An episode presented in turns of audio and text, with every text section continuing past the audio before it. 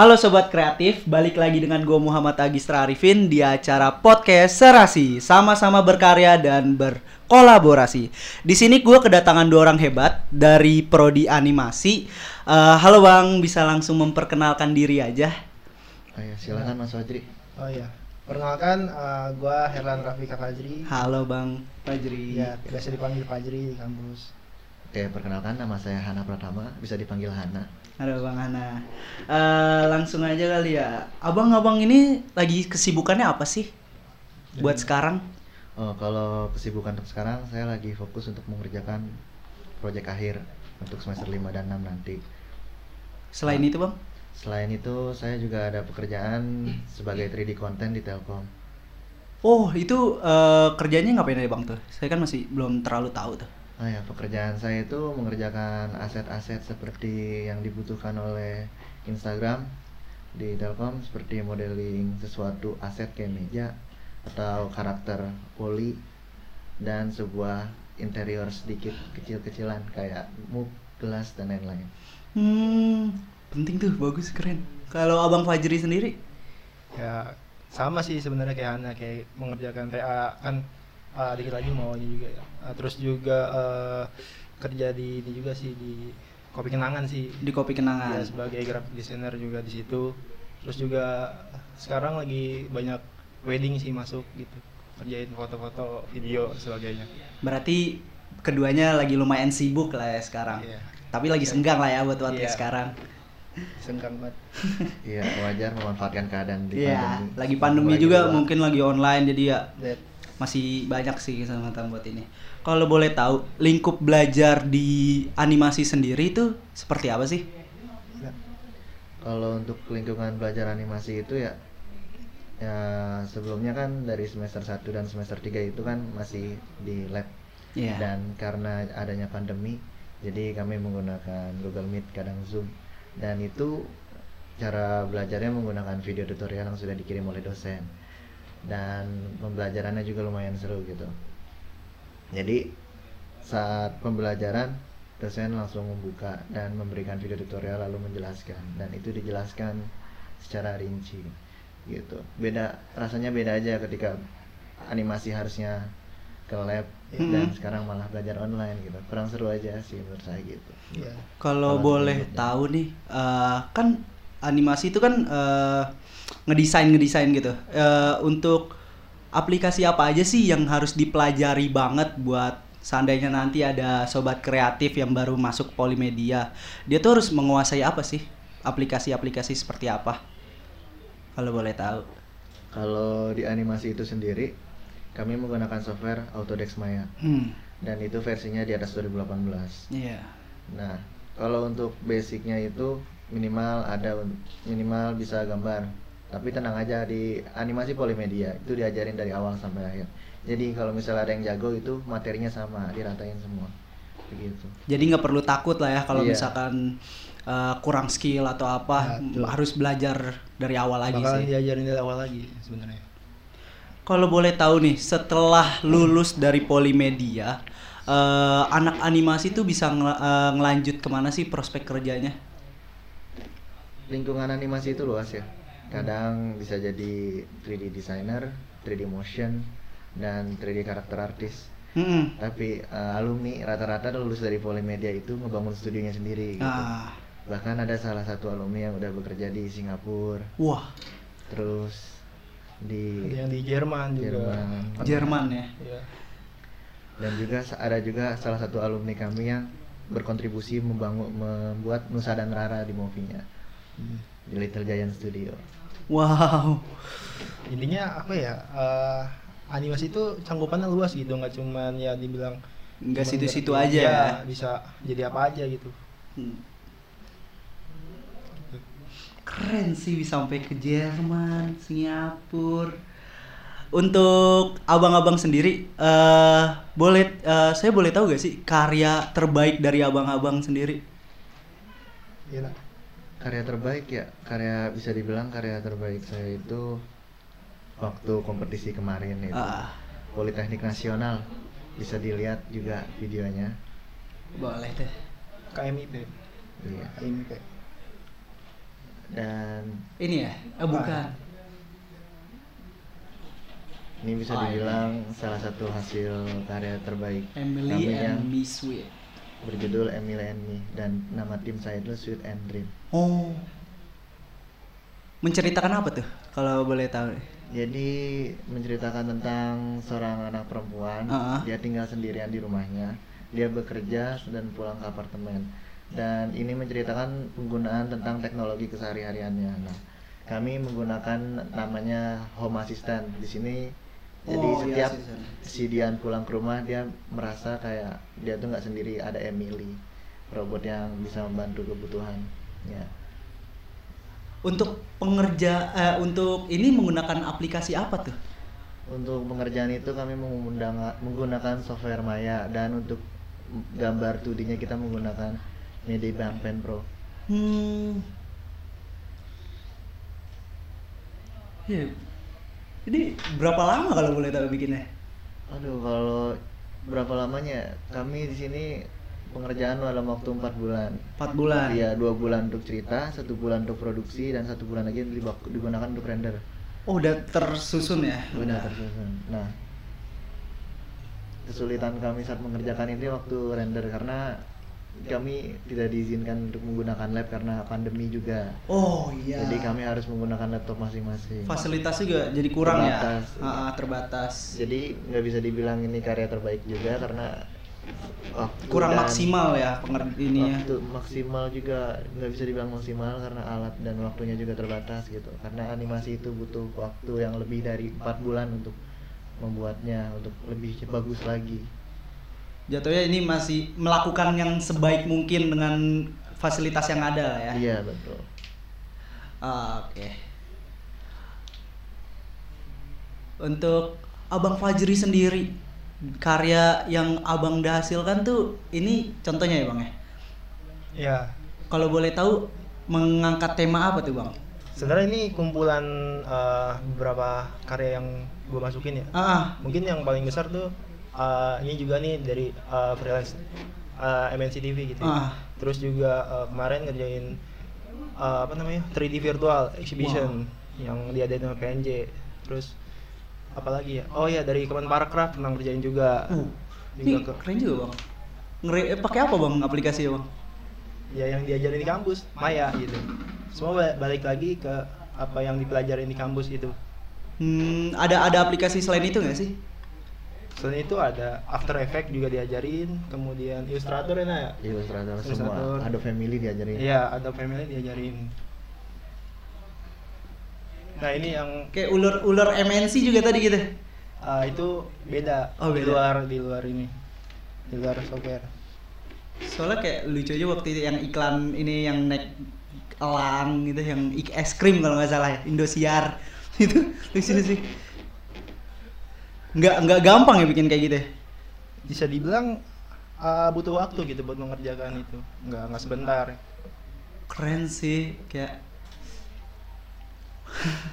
ah, ini ini kalau nggak salah pernah bikin di IG ya Iya. tentang Loki kan Iya, yang eh, lihat tuh keren tuh oh ya kalau boleh tahu nih eh, untuk abang-abang kan sekarang udah magang ya udah ada udah pernah magang lah itu magang nyari sendiri atau eh, direkomendasi dari kampus Kalau untuk pekerjaan itu kayak magang internship itu nyari sendiri ya. Mm, Saya nggak tahu kalau ke kampus itu ikut nyariin atau enggak itu masih masih belum tahu. mm, Mungkin nanti semester 6 akan tahu dicariin atau enggaknya gitu. Karena untuk ini kami ada yang namanya kan kurikulum kampus merdeka. Jadi Iya. untuk magang mungkin di semester 5 ini mengandalkan kampus merdeka. Karena pilihan magangnya juga banyak dan segala jurusan dan program studi di sana ada. Gitu. ya betul Kalau misalkan untuk kayak perlombaan sendiri, apakah dari pihak kampus memberitahu kayak rekomendasi lomba ini nih di eh, sini tempat-tempat Kalau seperti untuk kompetisi ya Rata-rata itu kami mendapatkan informasi kompetisi itu dari dosen Ah. dan biasanya dosen itu merekomendasikan mahasiswanya untuk mengikuti lomba gitu Hmm. Terus juga eh, tips-tips biar tetap konsisten melakukan karya. apa sih biar abang-abang tuh biar tetap semangat gitu bikin karya-karya kayak tadi Mungkin dulu nak. Oke, kalau inspirasi saya itu kenapa bisa kenapa? tips-tips ya Tips. Oh, kalau tips itu kenapa bisa lanjut berkarya sih? Pertama itu saya punya motivasi. Ah, Yang kedua, saya percaya bahwa animasi itu kalau nggak dilatih bakalan buruk nantinya dan memiliki jam terbangnya. hmm. Makanya yang pasti konsisten itu yang kedua. Yang ketiga, animasi itu kan biayanya juga mahal, Iya, apalagi alat-alatnya. Iya. Kita harus siap kalau itu hobi kita, kita harus berani mengeluarkan uang untuk hobi kita sendiri. kalau berani nyebur harus nyebur sekalian lah ya nggak usah takut air gitu nggak usah takut tenggelam segala macam gitu Ya kalau mungkin dari gue tipsnya eh, yang pertama perbaikin dulu kali ya moodnya ya. ah Misalnya kalau misalnya kita berkarya cuma gitu kalau misalnya mood kita eh, hancur gitu. Hasil yang dikali hasil yang dikerjakan bakalan kurang maksimal gitu. oh. Dan juga mungkin eh, misalnya ngerjain sesuatu ya semua orang butuh duit sih intinya. Iya, benar kalau misalnya ada duit semua bakalan lancar gitu. Apalagi kalau misalnya duitnya gede. ya sih bener juga sih. Tapi abang-abang kan eh, punya karya tuh udah banyak banget kan? Eh, pasti di balik karya itu ada inspirasinya nah abang-abang sendiri terinspirasi dari apa sih bisa sampai kayak eh, berkarya seperti itu Inspirasi ya, inspirasi pertama itu saya kenapa bisa masuk animasi dan bisa ngerjain karya-karya itu dari SMK kelas 1. iya Saya jurusan multimedia. Saya itu lagi hobinya main game. Oh. Saya lihat salah satu om saya lagi main waktu main PlayStation 1. Ada salah satu developer yang namanya dari Jepang itu Capcom. ah iya iya Nah, itu salah satu developer yang paling saya suka. Kenapa saya yang paling suka? Apalagi yang namanya gamenya Resident Evil series. Iya. Nah, saya main dari Resident Evil Zero sampai Resident Evil sekarang Village. Bahkan saya juga beli gamenya gitu. penikmat ya fans Iya, berat fans berat. Nah, itu saya suka dari Resident Evil itu kenapa? Dari segi cerita itu si Capcom bisa memanfaatkan dari cerita bisa dikembangkan banyak sampai sekarang itu nggak mati Resident Evil. Iya, Beda benar. dengan game-game lainnya seperti Devil May Cry itu tamat tamat tamat tapi di, saya salut dengan satu cerita Resident Evil ini bisa dikembangkan jauh lagi. Padahal hanya satu yang awalnya polisi Tiba-tiba langsung zombie lalu menyelamatkan biohazard diri ya sampai iya, sekarang. tiba-tiba sampai biohazard dan ceritanya berkembang bercabang Nggak mati Nggak ceritanya. mati ceritanya Nggak dan jadi tetap seru di situ saya suka amat dan saya juga lagi latihan untuk bisa mencapai kemampuan saya sampai bisa bikin karakter seperti Leon, Claire, Hmm. 3D model. Nah, itu inspirasi saya. Makanya saya dari kalau mau masuk animasi biar bisa aku bisa orang bisa. Gitu ngelihat keren nih karakter tuh bisa bikin kayak ini gimana caranya. kalau dia bisa gue pasti bisa lah ya, Iya. Ya. Sampai orang dewasa tertarik gitu. Iya, dari semua kalangan umur lah ya Iya. Kalau bang Fajri sendiri inspirasi inspirasinya tuh dari mana bang Mungkin kalau gue ya eh, inspirasi pertama gue pasti orang tua gue ya. ya Nah, mereka yang bakal susah payah gitu, mereka yang susah payah ngerawat gue dari kecil atau sebagainya. Nah, itu yang jadi patokan buat diri gue buat bisa berkembang dengan sendirinya gitu. Eh, walaupun eh, misalnya gue mau beli sesuatu ataupun sebagainya itu eh, ada daya tarik tersendiri gitu buat gue buat bisa berkarya dan menghasilkan eh, uang gitu. Intinya balik lagi sih eh, keluarga gue gitu yang jadi inspirasi utama. Tapi kalau de developer favorit abang tuh yang bisa sampai kayak mikir wah gue favorit banget nih sama dia. Sampai kayak ah gue pengen bikin karakter mirip kayak dia gitu. Ada gak sih bang? Mungkin lebih ke ini ya Terinspirasinya eh, gitu. animasi. Bukan animasi sih ya eh, pendiri Walt Disney. Ah Nah, iya iya. itu orang paling hebat lah istilahnya yang susah payah dari dia mulai kar- mulai bangun studinya dari nol ya hingga bisa sebesar ini gitu dan hebatnya karakter Walt Disney itu tuh mereka bisa punya style sendiri dan bisa Eh. menarik perhatian anak-anak dari Iya. awal. dari umur yang kecil sampai umur yang dewasa bisa di nggak nggak nggak kayak nggak bosen aja gitu ya dari kalangan banyak Kalangan umur masuk. Iya. sampai jadi besar studionya sampai sekarang. Untuk karya abang-abang eh, yang paling baik dan paling eh, paling baik itu pengerjaannya bisa sampai berapa lama sih bang? Kalau dari saya itu ya kalau untuk karakter sendiri itu saya minimal minimal itu paling cepat itu lima hari. Lima hari. Paling lambat itu kalau saya lagi fokus dan detail itu bisa butuh waktu seminggu sebenarnya tergantung ini ya durasi film yang buat yang kita buat. Terus ya minimal sebulan lah buat sesuatu yang maksimal gitu ya Nek. Ya, kalau untuk film ya kalau untuk film itu Hmm. sih bisa jadi setahun bahkan kayak filmnya Luka yang di Netflix itu kan butuh oh waktu. iya nonton tuh. Iya itu kan butuh waktu dua atau tiga tahun bahkan satu tahun itu pun untuk render. Paling lama itu render satu tahun untuk render. Emang harus apa ya harus ekstra banget di animasi itu. Pasti fasilitasnya juga laptop atau Iya. PC itu yang paling wah lah ya. Iya. Kalau untuk produksi apalagi di bagian akhir itu render quality itu fokusnya itu harus dilebihkan gitu. Misalnya bagian paling fatal lighting rendering itu. Hmm.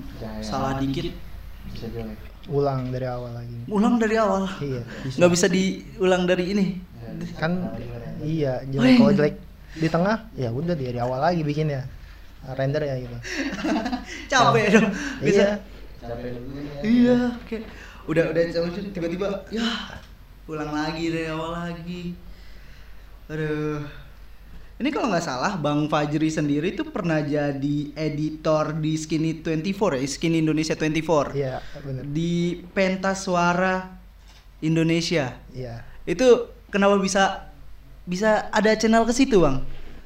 Jadi gimana ya? Kalau dijelasin eh ya istilah in- intinya apa ya?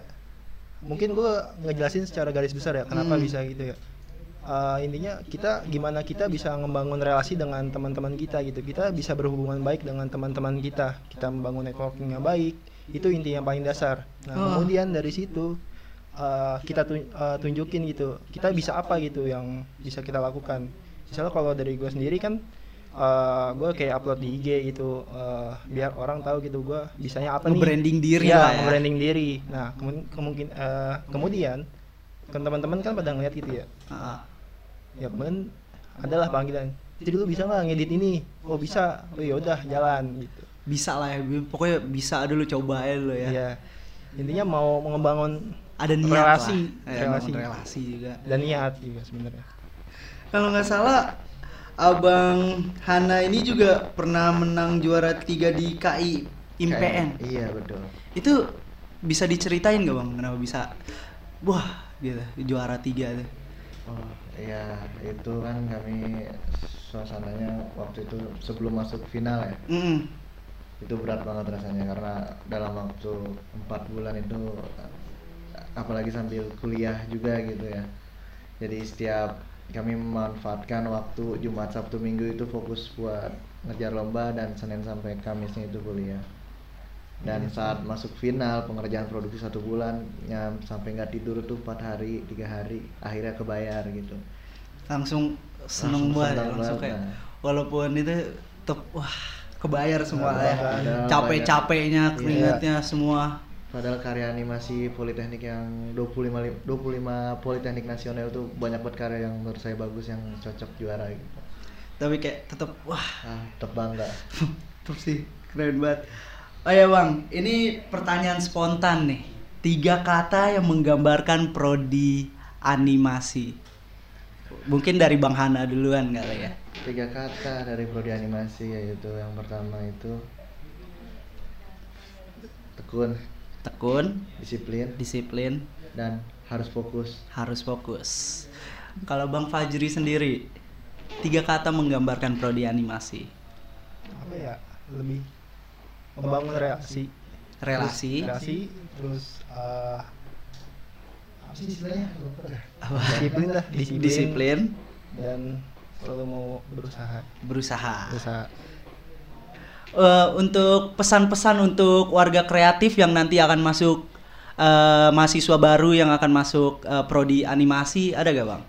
ya, Eh, pesan dari saya ya kalau mau masuk prodi animasi itu pertama kalian minimal harus ada alat apalagi ini pandemi ini minimal Betul. laptop Ya. 10 juta ke atas itu wajib kenapa karena saya ngerasain sendiri waktu saya belum masih punya laptop yang spesifikasinya di bawah minimum itu rasanya berat banget dan Hmm. akhirnya saya mampu gitu untuk beli terus yang kedua menyediakan hard disk setidaknya 512 karena untuk menyimpan hasil video tutorial terus file-file tekstur itu gede banget rasanya kalau Gede untuk banget. HDD laptop pun tidak cukup makanya Ah. minimal harus menyediakan lalu ketika kalian ingin masuk prodi animasi jangan nyerah gitu kalau misalnya nggak kuat di animasi sih mending keluar aja dari awal jangan di Hmm. pertengahan gitu sayang banget belajar animasi pas semester 5 tuh langsung drop, out atau cuti apalagi yang UKT-nya lumayan mahal Iya. gitu Betul.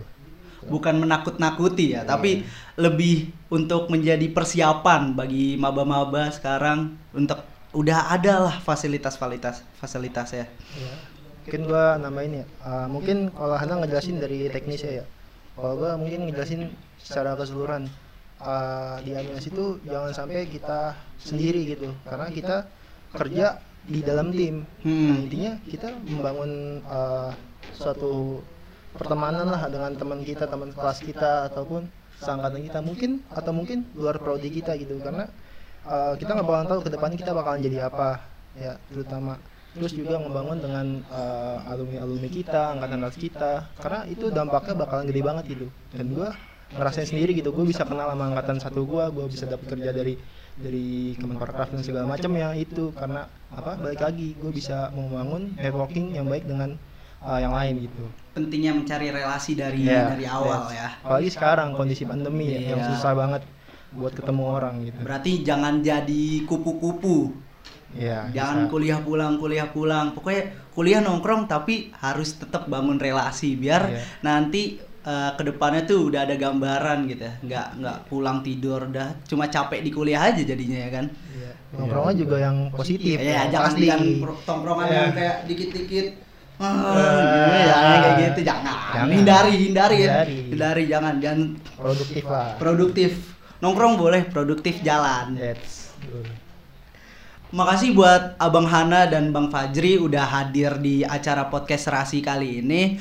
Eh, semoga abang-abang yang tadi udah sampein menjadi motivasi buat eh, camabana eh maba nanti. Eh, semoga mereka semua terinspirasi dari apa ba- karya-karya abang-abang semua. Iya. Makasih Bang. Ya, terima kasih. Mungkin ada Bang. yang mau disampaikan ke kamera atau kayak hidup animasi. Ada apa? Emang ada jago. nggak ada. Oh nggak ada, Ya udah. nggak ada. Ya udah lah ya. Ya udah. Ya udah. Terima kasih Pak.